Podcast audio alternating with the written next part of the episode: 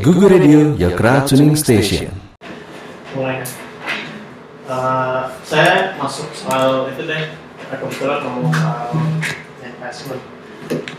Mindset investment itu uh, sebenarnya sama sama mind- mindset bisnisnya. Bisnisnya itu maksudnya kan kalau social business itu kenapa sih kita ngejalanin bisnis? Uh, kenapa kita men- ya mencari mencari revenue lah. Karena kita punya dampak sosial yang mau diciptakan. Untuk mencapai ke dampak sosial butuh uh, modal butuh uang gitu kan. Makanya ngejalanin bisnis. Nah kalau commercial business uh, keseluruhan investasi itu dilakukan diambil buat mengembangkan si bisnisnya. Jadi misalnya eh, saya udah bagus nih misalnya jalan udah bagus nih penjualan di Bandung aja misalnya gitu. Terus mau ngeluasin ke tiga kota lainnya gitu kan. Berarti kan eh, bisa sesederhana si eh, yang sekarang terjadi terus dikali empat gitu. Karena eh, buat si kota yang udah ada terus habis itu di kota tambahan gitu kan. Berarti kan di tempat aja gitu. Ketika ngelihat tempat itu kan berarti eh, ada modal yang dibutuhkan untuk si barang-barang yang di kota ini karena biasanya cuma satu eh, dari uang yang udah dipunya hasil penjualan kemarin-kemarin cukup kalau cuma buat satu kota. Tapi kalau misalnya buat tiga kota lainnya berarti kan mesti dinaikin modalnya gitu kan. Nah eh, ketika social business sama juga persis kayak gitu gitu. Bahwa dengan yang kemarin dilakukan sudah bisa menciptakan dampak untuk sekian tapi pengen nih lebih gede lagi gitu. Karena eh, kalau cuma segini eh, terus jadinya yang lain tuh eh, mempengaruhi yang udah berubah gitu loh. Terus jadi kayak percuma aja gitu. Kemarin tuh waktu ngobrol sama atau itu bulan lalu ya, ngobrol sama ibu bunda misalnya ngasih contoh saya ngasih contohnya gini. Misalnya eh, ibunda bikin apa ya seminar atau apa pun itu di eh, eh, lokalisasi misalnya. Eh, kalau misalnya di lokalisasi itu ada 100 orang yang jadi target. Kalau misalnya yang datang di seminar cuma 10 orang 90 orangnya kan nggak terpapar nih gitu. Terus jadinya si 10 orang ini jadi orang asing sebenarnya gitu. Yang gampang banget terpengaruh sama si 90 lainnya gitu. Kalau di kasus misalnya bikin uh, training atau apa pun itu ke uh, UKM, UKM garment gitu misalnya kecil-kecil gitu ya. Ada di area itu ada 100 gitu tapi yang ikutan cuma 10 gitu yang 90 lainnya enggak yang yang 10 ini kan kayak jadi uh, aneh sendiri gitu. Ketika kayak gitu terus jadinya 10 ini lebih gampang untuk kemudian terpengaruh ke jadi seperti yang lainnya. Jadi kan impactnya jadi nggak berhasil jadi memang mindsetnya tuh harus menciptakan impact sebesar-besarnya supaya bisa bertahan dan bahkan mempengaruhi yang lain yang belum gitu. Eh, itu kenapa eh, investor juga dibutuhkan di social business. Karena kayak balapan gitu loh malah ini lebih uh, lebih real gitu. Jadi kan kalau commercial business bisa dibilang ya it's an optional gitu mau jadi gede cepat atau atau enggak gitu. Jadi kalau commercial business itu biasanya challenge-nya cuma opportunity.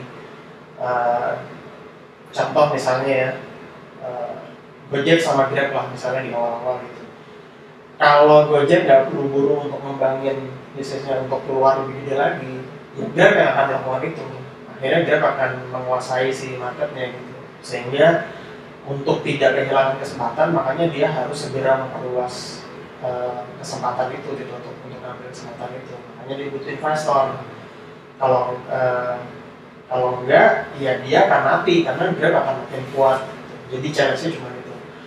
Kalau cuma dalam tanda kutip kalau komersial kalau social business itu tuh karena uh, perubahan sosial yang mau dilakukan sementara perubahan terhadap si orang yang di tempat yang sudah dilakukan dan sudah berubah ini tuh juga terancam untuk balik lagi ke sebelumnya gitu.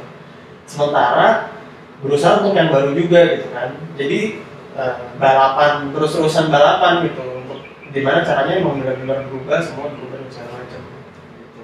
itu kenapa investment juga begitu ya kalau enggak bisnisnya ya gitu-gitu aja. Yang ya mau ini bagus kalau enggak ya udah gitu. itu kenapa soal investment mesti dikaitin sama eh, impact. Eh, karena mesti mesti itu juga. Saya kemarin sempat ngobrolin soal impact measurement kan bulan lalu. Jadinya eh, udah dapat indikatornya apa Kan jadi sebelumnya kan kita masih ke- kebingungan kita adalah ketika impact kita kan ke lingkungan mas. Terus jadi kita masih nggak tahu kan gimana sih cara ngukurnya gitu. Karena kalau misalnya ke sosial yang emang orang gitu kan kita bisa apa ya ngitungnya ya jumlah orangnya gitu kan. Ketika lingkungan kita punya keterbatasan di situ. Makanya kemarin terus mas Rama sempat bilang ya kerja sama aja sama apa eh, apa namanya NGO NGO sama NGO buat uh, keterukurannya terus jadi kita pikir terus kan kemarin juga kita juga sempat riset gimana soal pewarna alam itu eh pewarna kimia itu mencemari sungai gitu kan. Ternyata emang ada angkanya gitu yang bisa kita dapat kalau kayak nah, setiap apa sih pembuatan satu baju dengan pewarna kimia itu akan mencapai 29 liter air sungai gitu. Cuma terus kan kita pikir oke itu dari si uh, proses proses pembuatan uh, produk gitu.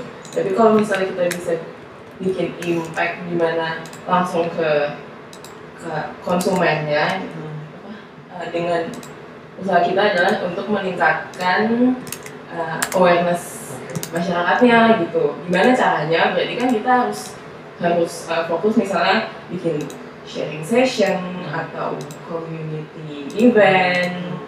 Nah itu menurut Mas Ramu gimana? Jadi jadi kayak ada dua impact sekaligus gitu kan Mas. Nah itu yang kita masih belum tahu. dua impact iya tapi pasti ada yang lebih pasti akan ada, ada yang lebih fokus karena kalau misalnya ingat bikin impact model canvas ya kalian mau ikutan ya bikin model canvas tapi Nggak, tapi di ah, gitu. nah di impact model canvas itu kan ada activities. Ada activities terus habis itu setiap activities itu pasti punya resources. Artinya eh, modal yang kita punya untuk melakukan activities itu gitu. Baik itu uang untuk produksinya production partner atau apa pun itu. Eh, yang kemudian si activities ini akan menghasilkan eh, output outcome terus habis itu impact. Nah eh, bisa jadi si output itu ada dua. Bisa jadi si outcome juga ada lebih dari satu dan seterusnya gitu. Yang jadi pertanyaan adalah apakah activitiesnya bertambah? Eh, ketika si impactnya ketika si hal-hal lain entah itu output outcome ataupun impact bahkan itu tuh menjadi bertambah. Eh, maksudnya gini. Kita yang kamu bilang nah, berarti yang harus dilakukan kan adalah eh, bring awareness. Eh, bring awareness berarti bikin misalnya eh, campaign atau community event gitu kan. Ini kan berarti ada activities nambah nih ya. Ketika ada activities nambah itu udah pasti ada resources yang nambah gitu. operational cost bisa jadi nambah Eh, yang tadinya nggak perlu sewa tempat untuk bikin acara sekarang jadi perlu sewa tempat. Yang tadinya nggak perlu kru untuk si acara ini jadinya perlu kru dan seterusnya seterusnya gitu. Jadi eh, yang perlu disadari adalah apakah si ininya nambah karena nanti relate sama balik lagi ke PNL gitu. Di PNL tuh pasti OPEX-nya nambah tuh gitu. Eh, karena kalau saya kalau bilang kayak gitu saya bisa bilang ya kalau gitu apakah memang jalin perlu jualan produk? Atau ya udah campaign aja nggak usah jualan produk. Produknya yang bikin orang orang lain gitu atau tetap jualan produk tapi bukan yang utama sebenarnya. Produk itu kayak cuman justru jadi sampingan gitu. Nah eh, kayak gitu yang mesti disadari dan kemudian ditentuin bisa juga tetap jualan produk campaign yang sampingan. Itu juga bisa. Tapi eh, dasar berpikirnya adalah tadi tuh ini tuh sebenarnya yang utama yang mana gitu. Karena eh, itu yang akan men- kemudian menentukan indikator terhadap si measurementnya Eh, kalau soal measurement tuh juga kalian sebenarnya bisa ngobrol sama dia untuk nanya eh, eh, apa namanya impact measurementnya itu alternatifnya tuh ada apa aja sih gitu karena eh, mungkin dia ada ada masukan-masukan untuk cara cara menghitung atau apa pun itu gitu.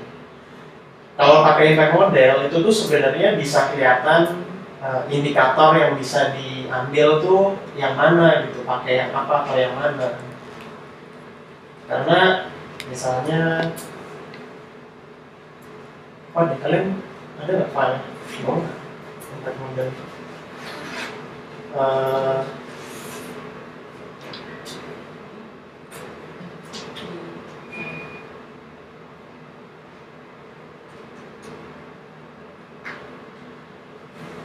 ya soalnya kemarin ketika mau ngurangin soal pencemaran eh, kayaknya kita juga udah ngobrolin salah satu yang mesti dilakukan adalah eh, bikin campaign terhadap produsen lain kan nggak cuma kalian gitu. Ya itu juga sama sih. Maksudnya bikin campaign juga cuma beda beda audiensnya aja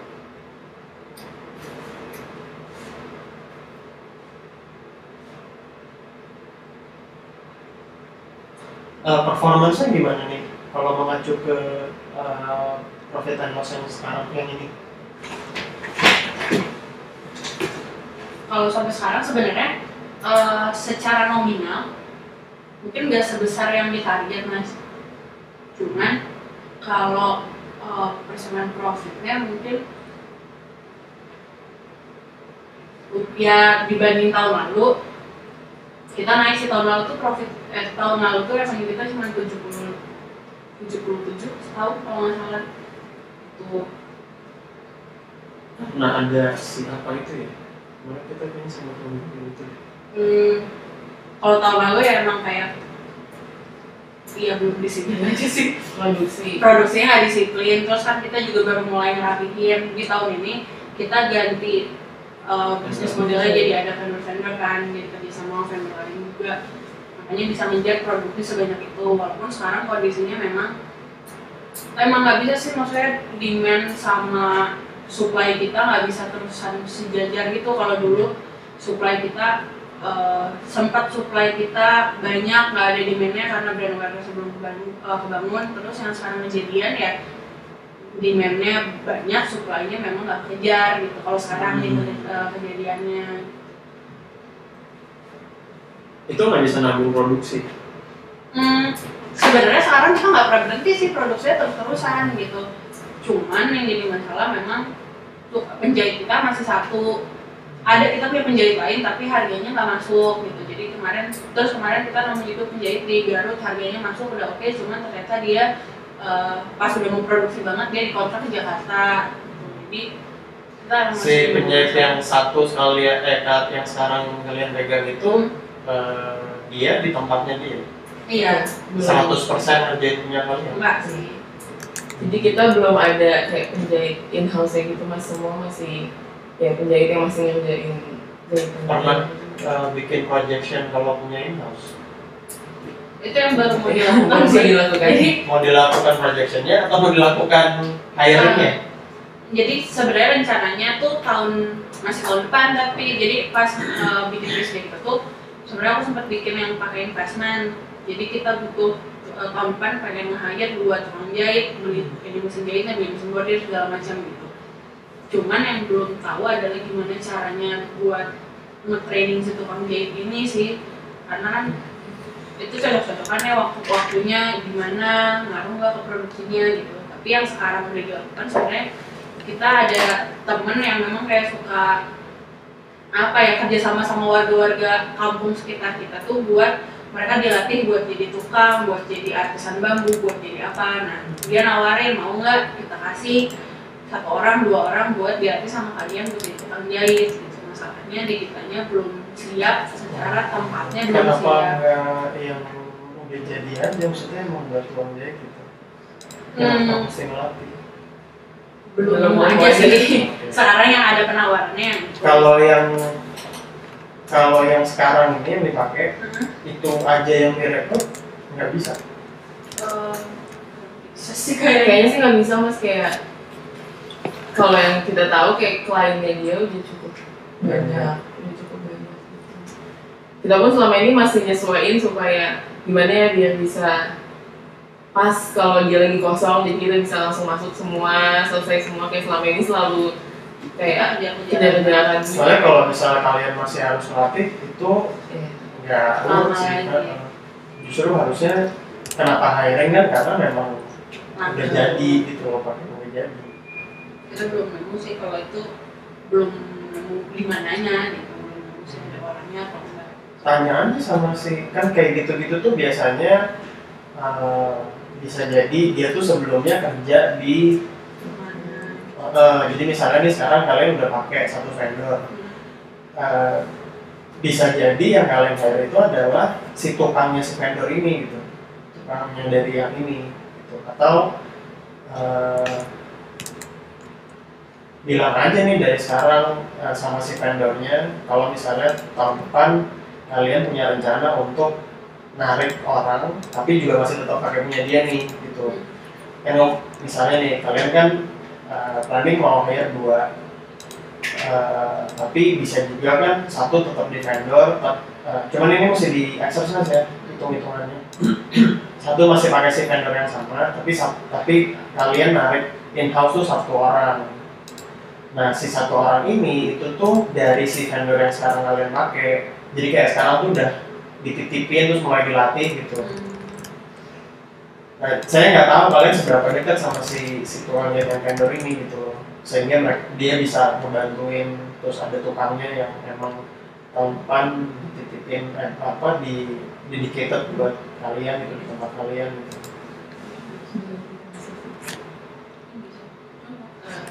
nggak tahu maksudnya kita nggak tahu setahu kita sih tukang jahit di tukang jahit tukang jahit di vendor kita sekarang itu juga nggak banyak sebenarnya gitu. Cuman dia kalau emang lebih banyak kami dia lempar ke Garut. Jadi emang ada kayak ada rekanan dia gitu. Diajak Jadi ngobrol bisa, aja terus iya. bilang bahwa kita rencananya eh, jalin rencananya tahun depan nih mau mau apa punya tukang jahit sendiri gitu. Eh, sosok nanya rekomendasi gitu-gitu aja ada rekomendasi atau enggak atau eh, mungkin ada yang bisa kita bantu buat memang kerja permanen gitu.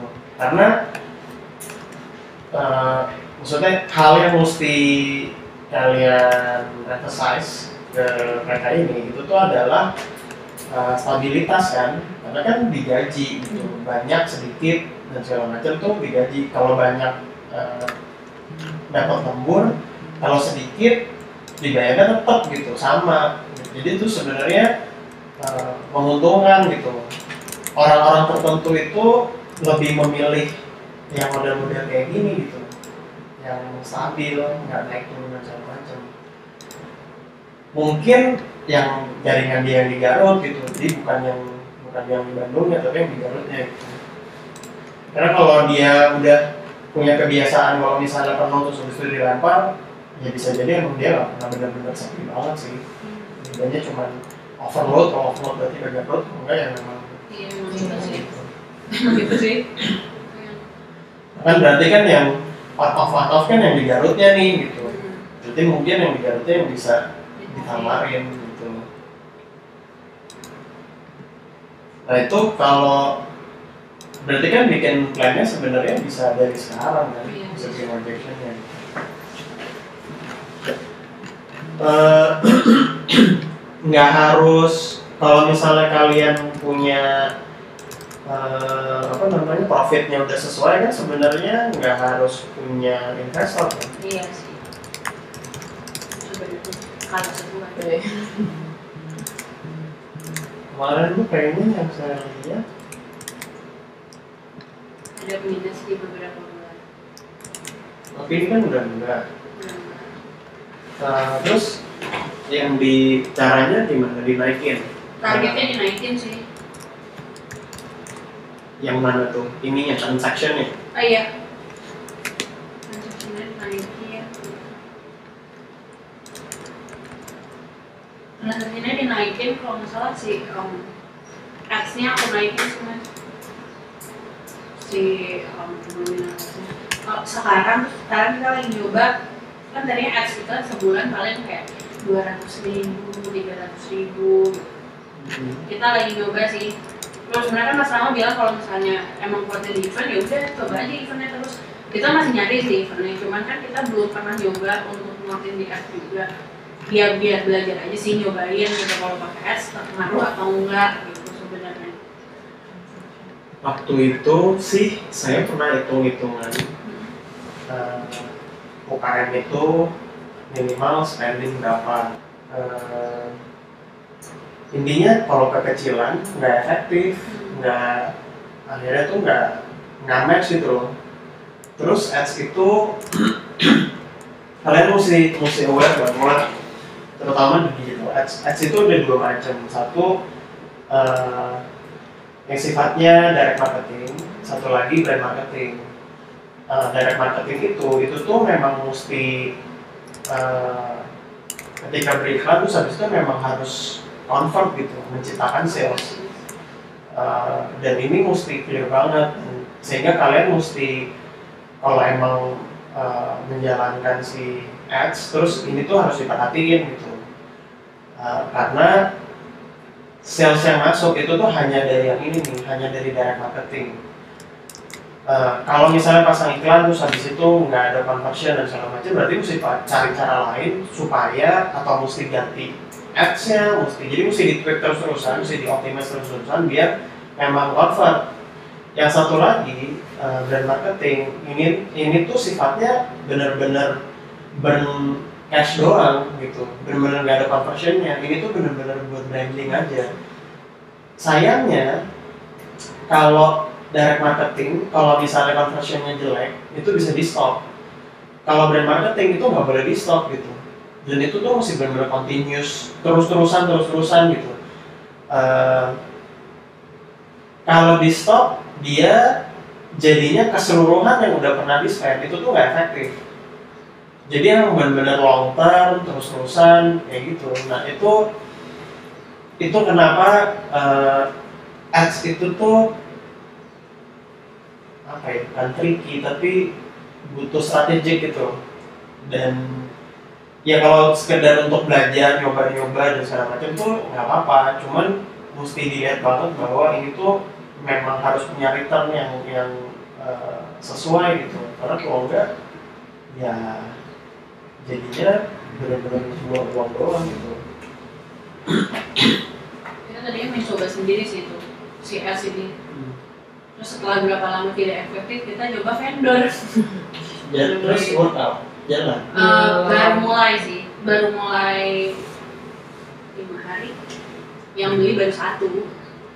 Apa yang membedain apa yang dilakukan dia kayak punya data eh, dia punya engine sendiri buat kayak nge-track ininya sih katanya ya eh, dia punya engine sendiri buat nge-track kayak eh, target ininya siapa terus sama dia tiap hari dia pantau terus dia ganti lagi ininya apa sih eh, target si yang dikasih ads siapa mungkin diganti lagi. Mungkin itu yang nggak kita lakuin selama ini sih. Kita kan nge- ngeblas kali udah gitu tinggal ditunggu hasilnya. Iya mungkin kita juga ada waktu buat tiap hari ngeliatin itu. Modelnya gimana? Eh, dia ngambil fee atau? Nggak jadi kayak ada paketan gitu kan misalnya seminggu berapa? Seminggu dapat ratus ribu seminggu berapa? Gitu. Terus kita tinggal pilih gitu. jumlah posting yang didapat berapa? Eh, jumlah nah, kalau apa sih namanya? Grafisnya kita yang kasih cuman kita yang kasih ke dia. Terus dia dia cuma nentuin kayak untuk paket ini boleh berapa grafis gitu. Harus nyediain berapa grafis biar bisa di eh, ganti-ganti ininya yang dijanjiin sama dia hmm, conversion rate rate. sih hmm. conversion rate-nya apa persen atau berapa jadi berapa atau apa Persen deh. Iya.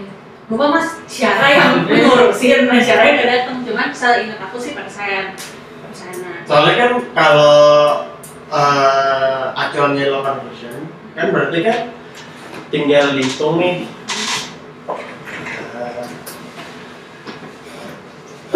Plan bulan Juni.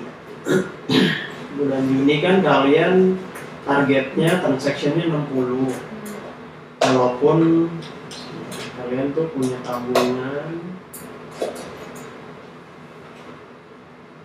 April belum ada ya? April nggak ada tabungannya, nggak cukup. April nggak ada transaction April ada, April ada transaction, cuman nggak ada sisa net profitnya. hmm. ininya berapa? transactionnya berapa? Oh, transaction itunya hitung, guys. baru jumlahnya 161 sampai Mei itu sampai Maret 161 plannya kalian sampai Maret itu 110 terus tergantung nih April Mei kan belum selesai April eh, sesuai atau enggak tabungan itu kan berarti 51 Eh, ya harusnya ntar lah Nah terus eh,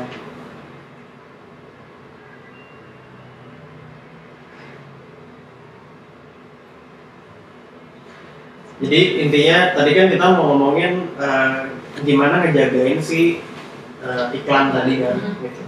Jadi ketika kalian punya si transaksi jumlah transaction kan harusnya itu kan eh, bisa dibagi berapa banyak yang dat- datang dari event, berapa banyak yang datang dari ads.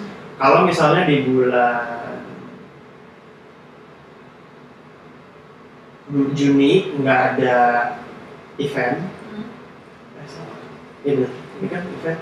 Iya. Bulan Juni nggak ada event kan berarti. Ketika kalau misalnya bulan Juni nggak ada event, sementara kalian punya target transaksinya adalah 60, harusnya eh, target 60 itu kan didapatkan dari online gitu. Nah itu match atau enggak gitu sama si conversion yang uh, ditargetkan terjadi itu yang mesti di, uh, dipastiin nih bulan Juni nih kita nggak ada event tapi uh, mesti punya pemasukan eh mesti punya transaction sekian gitu.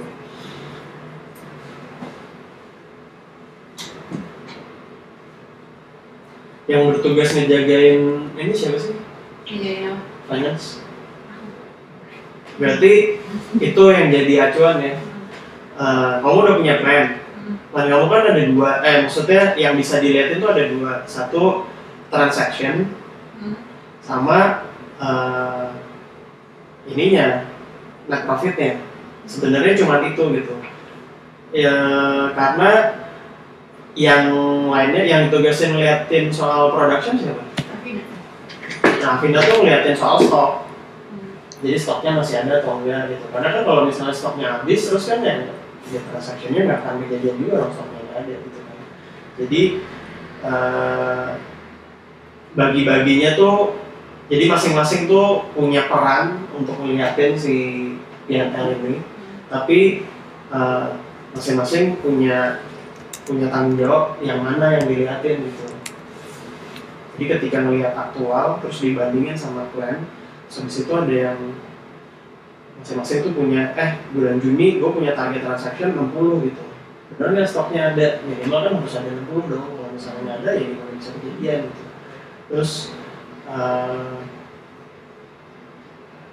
dilihat bahwa plan buat ke sini siapa yang yang eh, bertanggung jawab terhadap sales misalnya itu eh, kalian ngobrol gitu. Benar nggak nih eh, di salesnya bisa bisa menghasilkan 60 karena harus datengin 60 nih.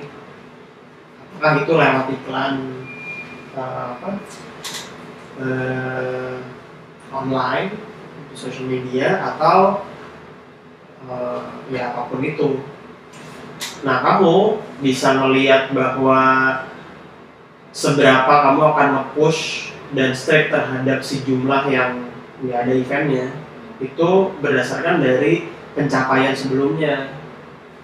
Jadi kan kalau misalnya misalnya ini transaction 3 bulan kemarin tuh 161 sementara eh, di plannya dari Januari sampai Maret itu tuh sebenarnya cuma 110 berarti kan ada lebih tuh 51 gitu kan. Nah 51 tuh dilihat lagi nanti di April tuh se- sesuai sama plan atau lebih atau gimana gitu. Tapi paling nggak kamu udah punya tanggal 51 ibaratnya di bulan April kalau nggak ada jual nggak ada transaksi sama sekali itu sebenarnya masih aman karena punya tabungan. Eh, tapi kalau misalnya di April nggak ada transaksi sama sekali terus di Mei transaksinya eh, di bawah ya berarti udah di bawah. Eh, itu Ya berarti nggak sesuai sama plan. Jadi eh, masing-masing harus punya peran dalam menjaga ini semua. gitu.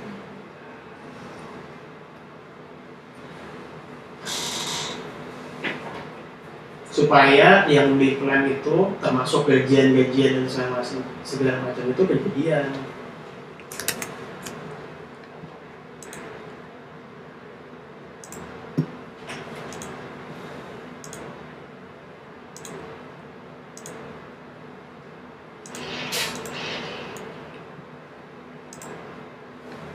Ini ya, per Maret udah gajian Udah.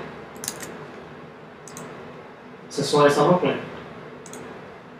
Sesuai sama plan yang di-update sih sebenarnya. Di plan kan tadinya tadinya belum ada Tadinya belum mulai gajian. makan. April tuh tadinya gajian tapi 3 juta. Gajinya turun. Itu kan awal. Kalau yang 2 juta di awal itu kita masih punya eh, satu orang yang kerja di kita sih. Kita belum gajian tuh di, di Februari. Terus kalau pas di April tadinya hmm, target penjualannya kalau gajiannya 8 juta nggak masuk gitu. Oke, ini kan udah real nih. Plannya udah dimasukin di dalam plan udah dimasukin bahwa memang gajian Mm-mm. gitu kan. Eh, yang benar-benar sekarang saat ini jadinya mesti diperhatiin itu adalah ya revenue, salesnya. Eh, bener nggak sih ini transaction ini gitu kejadian bener nggak di sini gitu. Eh, di bulan Juli harus ada eh, Juni tuh emang bener-bener nggak ada ini nggak ada event. kita baru terima kemarin sih ada tawaran event satu sebenarnya cuman belum tahu kan maksudnya kita harus nge dulu belum tahu keterima atau enggak dan belum tahu pasarnya oke atau enggak intinya eh, yang perlu dilihat sebenarnya cuma transaksinya yang tadi saya bilang gitu. Bisa nggak sih kalau misalnya oke nggak ada event tapi eh, kalian cari cara brainstorming di- supaya sales bisa kejadian walaupun ada event.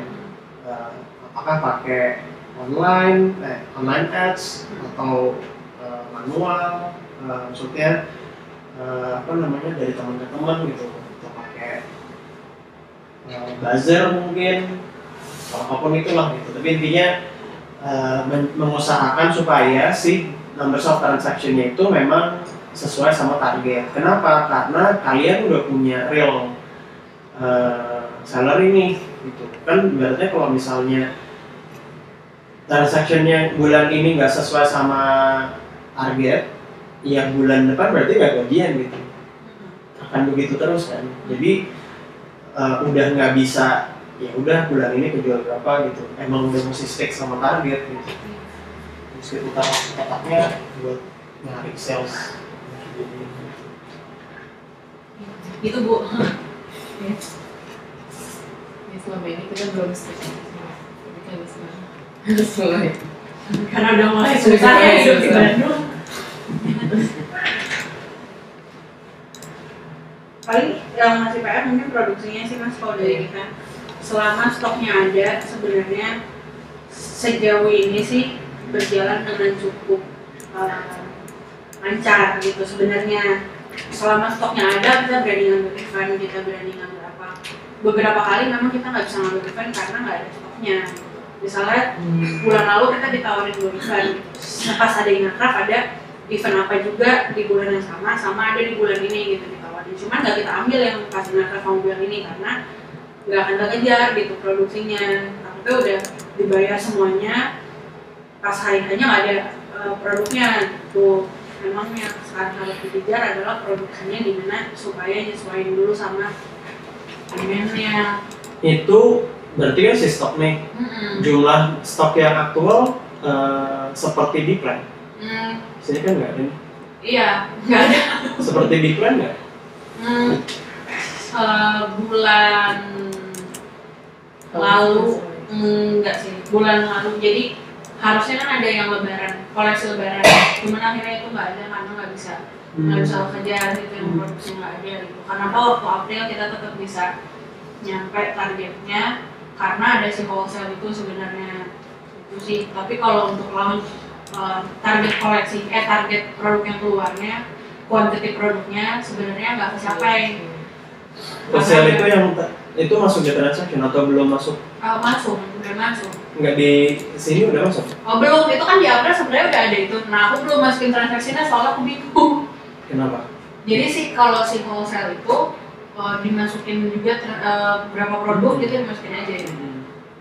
Soalnya kan ya karena kalian belum misahin karena kan nanti eh, jadi kalau misalnya memang kalian punya dua lini bisnis lah satu wholesale satu yang memang seperti biasa ya berarti perlu ada dua sehingga bisa tahu mana sih yang performanya bagus mana yang enggak dan sebagainya mana.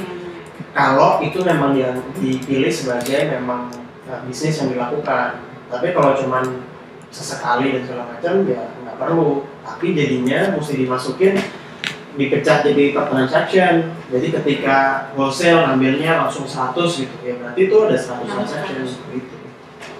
Pengen sih, sebenarnya kita pengennya diseriusin sih si wholesale cuman kita belum tahu how to get there belum tahu sih. Kayak gimana sih caranya nge-approach orang yang ada wholesaler like gitu gimana gitu. Sementara kita di, di Indonesia aja kita nggak tahu gitu sebenarnya ada nggak sih orang yang wholesaler ada di Indonesia aja kita nggak tahu gitu. Soalnya kita tahunya di luar negeri memang banyak gitu yang beli dari brand langsung beli di depan gitu beli putus mungkin banyak di luar di Indonesia. Kita nggak tahu kalau ada. Balik lagi. Kalau saya akan ngeliatin sama si uh, impact yang mau dicapai.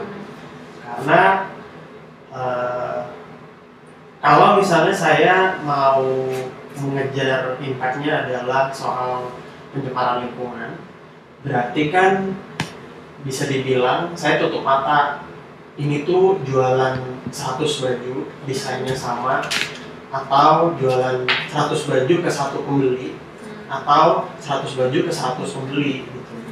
Nggak peduli lah pokoknya eh, produksi 100 dan 100 100 nya ini ramah lingkungan karena targetnya itu ya kan? tapi kalau misalnya eh, misalnya jumlah vendor yang sadar akan pencemaran lingkungan. Berarti eh, yang jadi objektif adalah gimana supaya 100 ini bisa dipenuhi sama misalnya eh, 20 vendor masing-masing bikin 5 misalnya gitu supaya ada 20 vendor yang eh, punya awareness soal pencemaran lingkungan. Hasil dari produksi dari 20 vendor ini tetap 100 yang beli bisa jadi satu bisa jadi satu. Itu balik lagi tergantung eh, penjualannya ke siapa dan lain-lain. Kalau misalnya sisi yang lain lagi. Misalnya adalah yang jadi target adalah eh, sebanyak-banyaknya orang masyarakat customer dalam hal ini paham mengenai eh, sadar akan soal pencemaran lingkungan. Artinya objektifnya adalah eh, sebanyak-banyaknya orang terpapar mengenai soal ini. Eh, sehingga lebih strategis kalau 100 barang entah dari berapa banyak vendor dibeli oleh 100 orang daripada hanya satu orang. Kan gitu tuh. Nah itu makanya penting banget untuk nentuin bahwa itu sebenarnya dampaknya tuh secara spesifik apa yang mau ciptakan gitu. untuk siapa? Beneficiariesnya itu siapa gitu. Beneficiariesnya publik kah? Atau eh, para penjahit kah? Atau para produsen kah? Atau siapa gitu titiknya sama loh pencemaran lingkungan juga gitu. Tapi sebenarnya siapa yang kalian pilih gitu? Karena ketika udah milih ini eh, ke siapa terus habis itu bisa dicari tuh indikator measurementnya apa gitu. Jumlah eh, orang jumlah customer nyata jumlah vendor nyata jumlah apa gitu. jumlah vendor bisa gampang karena mungkin bisa nyari data di data perindustrian atau apalah yang lain gitu mungkin kan punya data-datanya bahwa di Garo tuh ada berapa banyak penjahit sih gitu misalnya. di mana ada berapa banyak penjahit terus kalian akan menghitung bahwa ini tuh kalau misalnya ada misalnya tahun ini kalian uh, ngincar ada 10% dari penjahit ini apa punya pemahaman soal ramah lingkungan gitu. Tahun depan jadi 20% atau tahun depan jadi 30% dan seterusnya seterusnya. Terus nanti akan di-challenge bahwa 10% kreditan enggak gitu. Ya tapi kan kalau di uh, social uh, di social initiative itu nggak pernah ada kecil yang kecilan gitu. Seberapapun juga tetap tapi juga uh, kecil juga nggak cukup. Jadi mesti dijadiin. Jadi ya konsepnya mesti begitu. Kalau terakhir sih kita ngomongin si impact ini mas sempat ngobrolin. Ya pernah juga sih. Jadi sebenarnya waktu itu kita eh, ngomongnya kita akan menjual barang ini ke ya siapa pun baik yang itu udah aware atau yang belum aware sih. Ya udah dijual aja si produknya nanti profit yang dihasilkan sebagian dari profit yang dihasilkan kita akan bikin event kayak yang mas waktu itu bilang gitu event yang dibuat mungkin pasarnya bukan yang udah aware gitu. Mungkin kita kolaborasi sama orang yang udah aware tapi juga sama orang yang belum aware biar dia bisa narik masa buat orang bisa um, ya terpapar lah sama bukan mengedukasi sih sebenarnya kayak ya lebih terpapar aja gitu. Soal masalah isu lingkungan ini ya, tujuannya sih biar mereka lebih mengerti gitu. Apa pun eventnya nah kalau kayak gitu measurement apa yang kita waktu itu mikirnya oh mungkin apakah orang yang datang orang yang datang terus misalnya kita bikin checklist lah gitu apa yang dia udah bikin ntar kalau si checklist udah penuh oh berarti dia satu impact kalau ada dua orang yang udah accomplish checklistnya dua impact itu dua orang Eh, kan Apa di itu? measurement tuh kan selalu ada kuantitas ada kualitas kan Mhm. maksudnya kalau misalnya eh, survei orang per orang mengenai pemahaman dia dan lain-lain itu kita ngomongin eh, kualitas tuh gitu. Seberapa dalam dia eh, punya pemahaman soal ini gitu. Tapi kan kita juga bisa mengukurnya memang hanya sebatas eh, ini tuh berapa orang yang sudah terpapar mengenai hal ini. Sudah datang ke event Iya, berarti jadi bukan soal seberapa dalam, tapi seberapa banyak bisa sampai di situ gitu. Eh, tapi mesti dilihat juga bahwa mereka tuh punya, eh mereka tuh akan seberapa cepat lupa gitu misalnya. Kalau misalnya nggak nggak terus-terusan eh, terpapar sama pesan-pesan yang kalian bawa gitu. Karena kan bisa jadi event itu untuk pertemuan pertama doang gitu. Tapi kontak yang berikutnya tuh bisa jadi jalan di Instagram misalnya. Karena 10% dari orang yang datang tuh jadi followers misalnya gitu. Terus kan bisa diasumsikan bahwa ya setiap kali kalian posting message eh, mungkin eh, tiga dari tiga dari posting akan ada satu yang mereka dapat misalnya kayak gitu. Karena kan eh, nggak semuanya eh, terpapar dan nggak semua followers terpapar sama posting kita. Jadi eh, itu bisa dijadiin indikator. Hmm. karena indikator itu ketika yang yang pakai hanya kita sebenarnya apa pun jadi sah ya tapi harus ada indikatornya karena kita mesti punya progres kan gitu. Kalau di startup tuh istilahnya traction. Tractionnya tuh mesti mesti jelas gitu. Misalnya kalian uh, jumlah pembeli ya tractionnya mesti growth gitu. Jumlah pembelinya mesti nambah gitu. Atau eh, jumlah eh, peserta event.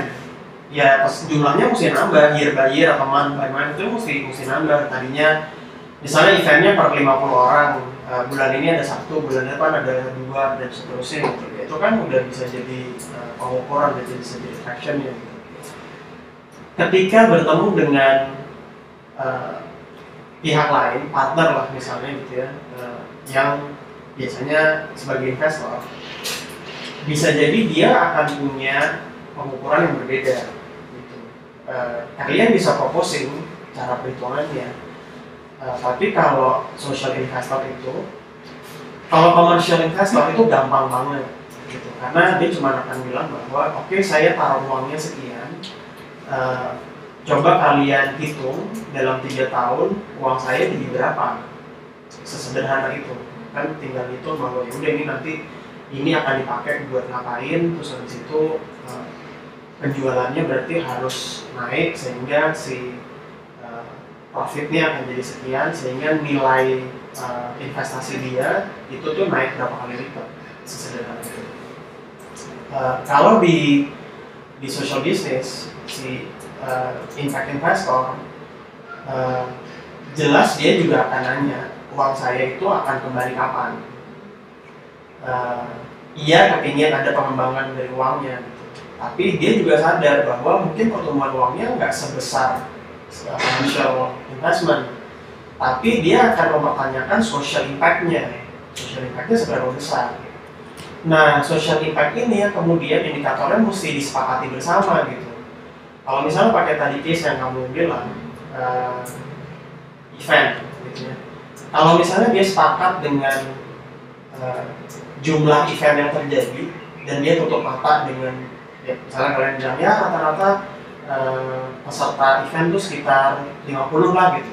Dan dia oke sama hal itu dan yang dia pegang adalah hanya jumlah event ya udah kalian bisa jalan dengan jumlah event.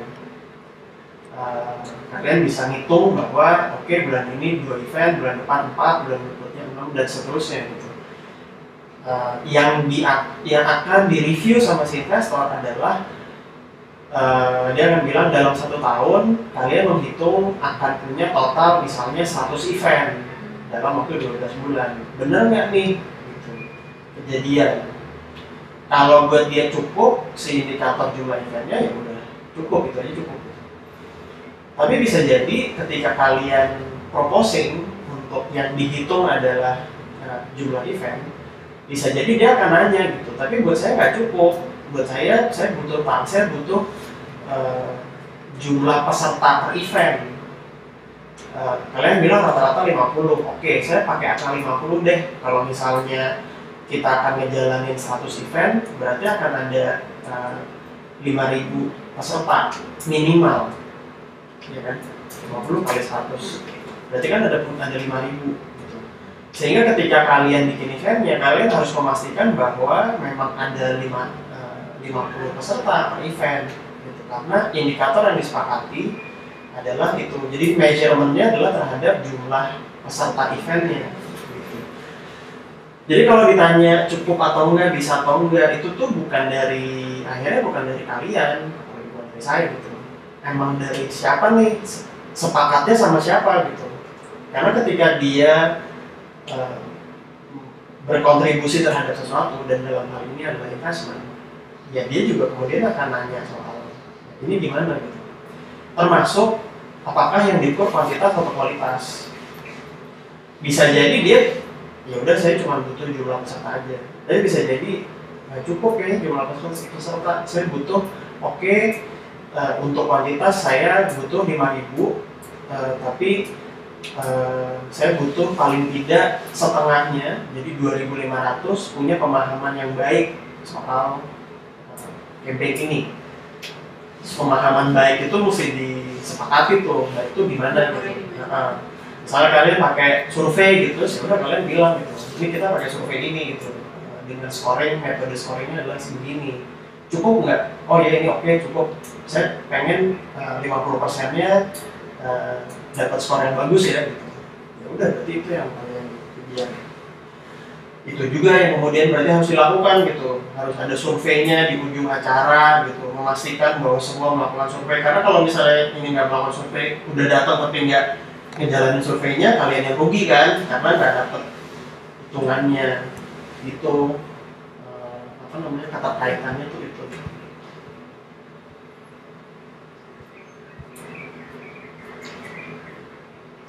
Tapi memang mau akhirnya bentuknya begitu Eh, bikin eventnya terakhir sih ya yang kita omongin ya itu terakhir.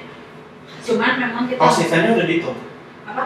Cost cost buat eventnya udah dihitung masih kasar banget. Kemarin kita gitu cuman masih kasar banget. Memang waktu itu kita mikirnya ya udah misalnya setahun kita cuma bikin dua tapi eventnya gede gitu. Cuman kan maksudnya nggak bisa langsung gede gitu. Maksudnya pasti harus ada per bulan event yang buat ngebangun supaya sampai si sampai gitu nah itu yang belum didetail sih mas. Kita masih belum kita belum pernah duduk di satu meja bareng-bareng buat ngomongin eventnya mau gimana apa yang mau dikejar gitu. Bisa dua arah soalnya. Bisa eh, kalian kan yang dijadikan acuan adalah eh, masyarakat punya kesadaran mengenai eh, limbah Iya. eh, apa namanya limbah fashion ya kan Eh, ini bisa bicara mengenai tadi kuantitas bisa bisa bicara soal eh, kualitas pemahaman. Eh, indikatornya bisa pakai jumlah bisa jadi macam-macam lah gitu. Eh, kalau misalnya pakai case nya Bandung aja dulu gitu itu ya dihitung aja nih. Eh, masyarakat tuh masyarakat umur berapa? Gitu.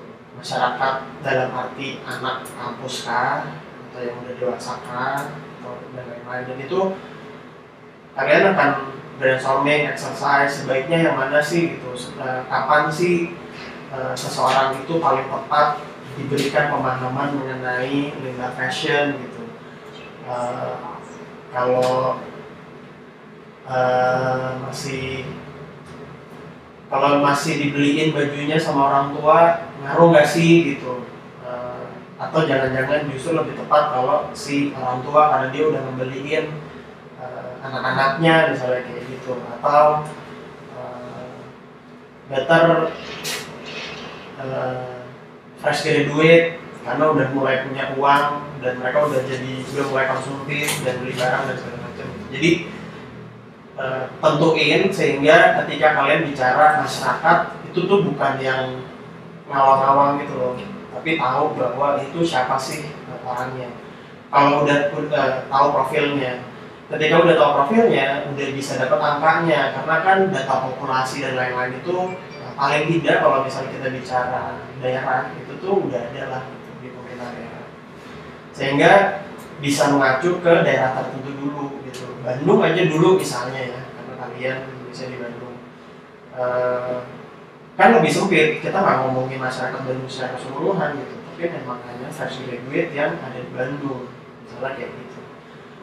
Eh, sehingga udah dapat angka ini tuh berapa banyak. Terus dari berapa banyak ini kalian tuh akan nyasar berapa sih gitu.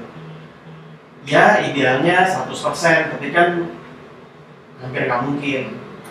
Paling enggak tuh biasanya ngejar 80% 80% tuh kayak udah paling maksimalnya gitu karena kita percaya bahwa kalau udah 80% itu tuh pasti udah bisa dapat 100% pasti akan ada 20% yang off lah gitu.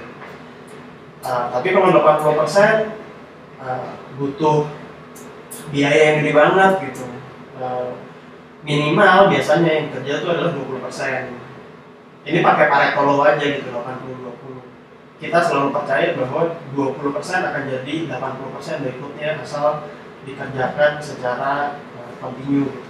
Jadi kalau misalnya sekarang 20% ini tadi ngomong uh, nyanyi jangkatannya. Kalau misalnya 20% uh, apakah tahun tahun depan itu jadi 40%, tahun berikutnya jadi uh, 60%, tahun berikutnya jadi 80%. Atau jangan-jangan uh, kan selalu ada tren kita bikin sekarang tahun ini targetnya 20% terus tahun depan ditargetin hanya nambah 20% tapi kita lupa ngitung bahwa ini tuh ada ancaman berkurang gitu loh. Jangan-jangan malah jadi tekor gitu loh malah jadi berkurang banyak. Makanya tadi saya bilang di awal eh, di social initiative tuh kayak balapan sama perubahan yang eh apa hal yang terjadi di diri orang masing-masing gitu loh.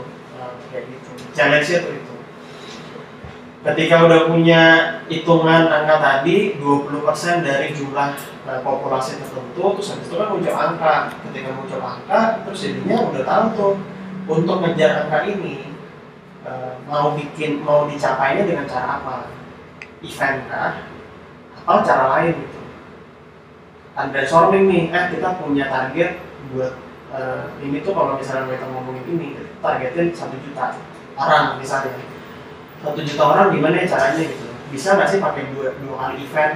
Nah, dua kali event tuh kalau misalnya kita minta misalnya ya kita minta ya orang nge-tweet soal message inilah misalnya gitu Eh, apa send eh, posting IG soal message ini eh, biasanya cuma 10% yang ngejalanin gitu. Ya 10% dari satu juta tuh berapa sih? Eh 10% dari jumlah peserta yang akan datang tuh berapa gitu. Terus in average setiap 10% eh setiap orang ini tuh punya rata-rata followers berapa sih gitu. Berarti dari yang tadi posting terus habis itu akan memapar berapa banyak orang gitu. Jadi funnelingnya tuh gitu gitu. Ngitung conversion dan segala macam. Match nggak buat dapet sih satu juta paparan tadi gitu. Eh, mending mana nih bikin online campaign atau bikin event atau bikin dua-duanya misalnya gitu untuk bisa mastiin targetnya memang sesuai. Jadi nentuin satu event dua event itu juga sebaiknya bukan ber- bukan berdasar dari uh, sekarang bisa gimana gitu apa maunya gimana gitu tapi juga uh, ya pakai apa namanya pakai perkiraan dan perhitungan tadi. Karena juga kan kalian tahu bisnis model kanvas kan? Dalam bisnis model kanvas itu kan selalu ada activities tuh yang tengah-tengah. Eh sorry. Iya benar, value. Yang di tengah-tengah tuh value. Karena paling kanan itu adalah uh, customer-nya siapa. Uh, value itu di sebelah kiri di bisnis model kanvas sebelah kiri itu. Itu tuh adalah uh, hal-hal yang dibutuhkan untuk mendapatkan si value ini atau si barang ini. Misalnya salah satu kegiatan atau value yang kalian offer ke customer dan beneficiaries itu adalah event. Uh, event itu artinya uh, udah pasti ada cost-nya karena ada pengerjaan event dan lain-lain. Paling sederhana ketika di bisnis model kanvas itu tuh gimana caranya supaya uh, cost yang di bawah tuh itu tuh bisa berkurang. Salah satu caranya adalah gimana caranya supaya eh gimana supaya berkurang adalah dipindahin ke atas. Di atas tuh ada kolom uh, key partners Uh, itu yang jadi gimana caranya supaya cost kita berkurang ya mungkin bisa berpartner. Jadi ketika kalian bilang bahwa kita bikin event yang jadi pertanyaan kan adalah apakah memang harus kalian yang bikin eventnya bisa nggak sih collaborate sama pihak lain sehingga bukan kalian tapi ya pasti ada ada effort yang kalian keluarkan gitu tapi apakah harus kalian yang bikin kayak gitu gitu itu yang akan jadi pertimbangan-pertimbangan untuk ngejar si si impact yang tadi saya ceritain.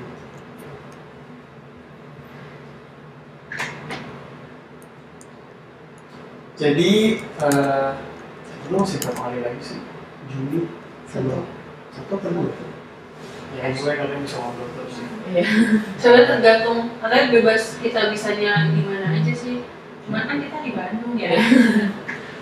Bisanya di mana tuh gimana? Maksudnya kayak kan aku bilang kemarin berarti kalau tinggal Jogja berarti tinggal sekali lagi ya Mas Nugra. Enggak sih sebenarnya kalau kamu mau misalnya kayak yang pikmi tuh dua minggu sekali juga boleh asal misalnya mas Kamnya bisa jalannya bisa gitu. Oh. kan di Bandung mas gimana Enggak, soalnya kemarin eh, kalau saya ke buat price itu eh, saya plotinnya memang cuma sebulan sekali yang ketemuan Oke. ataupun eh, on-call dan segala macam. Di luar itu kalau misalnya mau whatsappan dan lain-lain sih eh, bebas aja gitu. Terus eh, saya juga selalu bilang sama startup-startup yang selama ini eh, saya bantu mentoring di luar dari si ini kalau misalnya mau ngobrol sih ayo aja gitu. Pas saya lagi di Jakarta pas saya lagi ke Bandung ngomong itu ngobrol aja.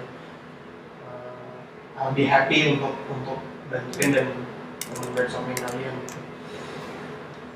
nah buat yang besok sih karena Juni udah nggak ada jadwal kayak salah gitu ya udah kita janjian aja gitu mau mau gimana.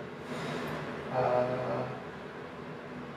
buat dari saya PR-nya adalah nentuin impact-nya. Akhirnya mau nentuin impact measurement-nya sih. Karena sebenarnya kalian udah move forward nih udah nentuin bahwa kalian yang akan jadi beneficiaries kalian dalam social impact ini itu tuh adalah publik itu kan masyarakat. Kesadaran masyarakat akan limbah fashion. Ditajemin lagi mendingan limbah fashionnya nih dalam hal apa kalau yang selama ini jadi lakukan itu kan dalam hal produksi ya kan? Eh, bahwa setiap kali produksi fashion itu tuh ada limbahnya loh. Eh, ada hal-hal yang bisa dilakukan untuk mengurangi limbah ini. Salah satunya adalah yang dilakukan sama eh, Jalin. Jadi emang kalian walk the talk gitu kalian memang nyontohin bahwa campaign yang kita lakukan ini memang kita lakukan secara langsung gitu. Dan campaign ini memang dibiayai sama kita apa yang dilakukan gitu. itu aja berarti produknya harus mahal sih. Kalau enggak? Nggak bisa ngebayarin campaignnya gitu. Betul tapi berarti masih ber, ke, ber, ber, kaitan berkaitan. Berkaitan dalam maksudnya masalah kita kan si lingkungan itu kan sebenarnya. Cuman kemudian si beneficiariesnya publik gitu. Itu enggak Hmm,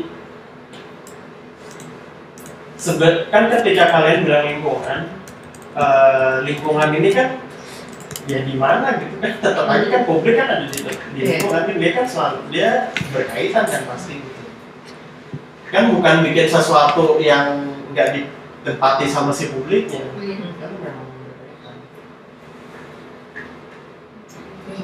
Cuman customer kalian itu bukan eh, gini. Customer dan beneficiaries kalian itu beririsan, tapi bisa jadi bukan bukan orang yang sama.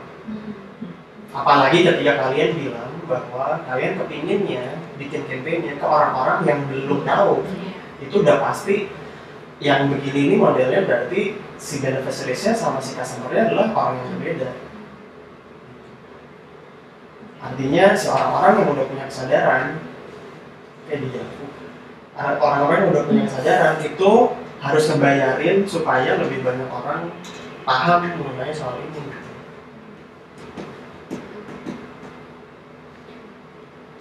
Itu tuh kayak cycle ini. Kenapa sih barang-barang recycle itu mahal? Karena emang semua prosesnya tuh masih mahal. Karena yang melakukan itu tuh masih sedikit. Eh, siapa yang produk ya kemarin? Aku. Di produk itu eh, kita kan tahu bahwa mass production itu itu ngurangin cost, ya kan? Eh, itu dari sisi produksi. Terus dari sisi machinery, pabrik gitu ya. Eh, semakin tinggi demand sebuah produk, kan pabrik kan semakin bertambah sehingga teknologi terhadap si pabrik ini itu kan juga berkembang ya kan? Eh, orang berusaha untuk membuat mesin semurah-murahnya sehingga semakin banyak pabrik yang muncul karena eh, demandnya makin lama makin tinggi gitu kan. Nah ini nih kalau di produk recycle tuh belum nggak kejadian. Jadi nggak bisa murah karena ya itu emang segala chain ini masih mahal Gak sempet sih kayak gitu apa kita bikin meja ya kita nyiptain alat itu gimana cara jelupnya gitu. Soalnya kita ngerasa banget sih karena kita sempat sempat ngerjain semuanya sendiri kita tahu banget ini nggak akan bisa murah selama mau ngerjain di Jawa juga nggak akan bisa murah kalau ngerjainnya tetap celup satu-satu gitu. Maksudnya nggak ada teknik nggak ada apa ya nggak ada teknologi yang masuk di situ Benar gitu. kalian mastiin si vendor kalian yang mengerjain proper gimana? Kita dulu belajarnya di kita belajar dari sana sih Oh memang si vendornya ini memang eh, mengerjakan Wah. secara ramah ramah lingkungan. iya jadi kita waktu kita waktu mulai kita emang pergi ke Jogja buat belajar memang ke tempat yang kita jadiin vendor sekarang gitu dia emang udah mengerjakan ini udah lama Berarti vendor kalian itu juga jadi vendor yang lain kompetitornya Jalur. hmm, dia Siapa siapa eh, produsen lain yang pesan ke dia?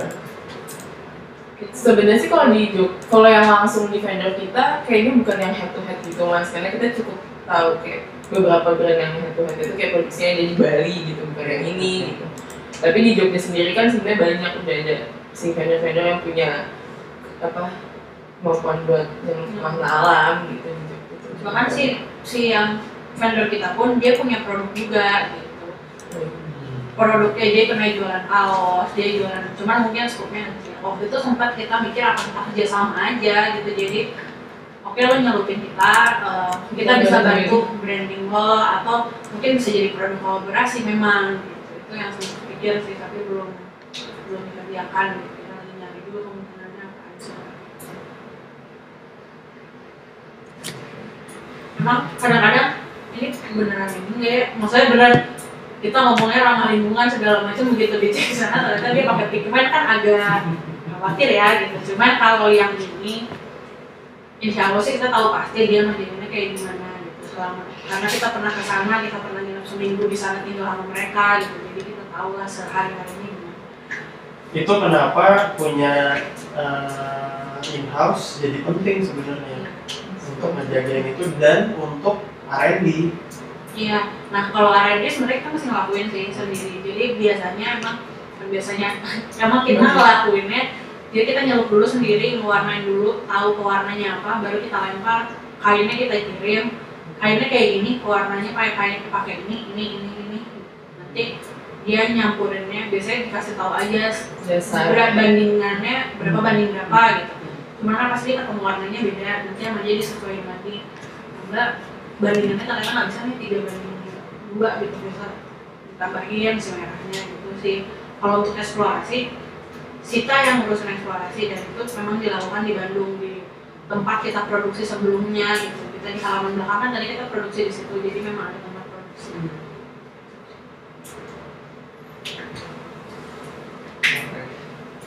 Udah, itu dulu deh. gitu aja belum beres Google Radio, your crowd tuning station.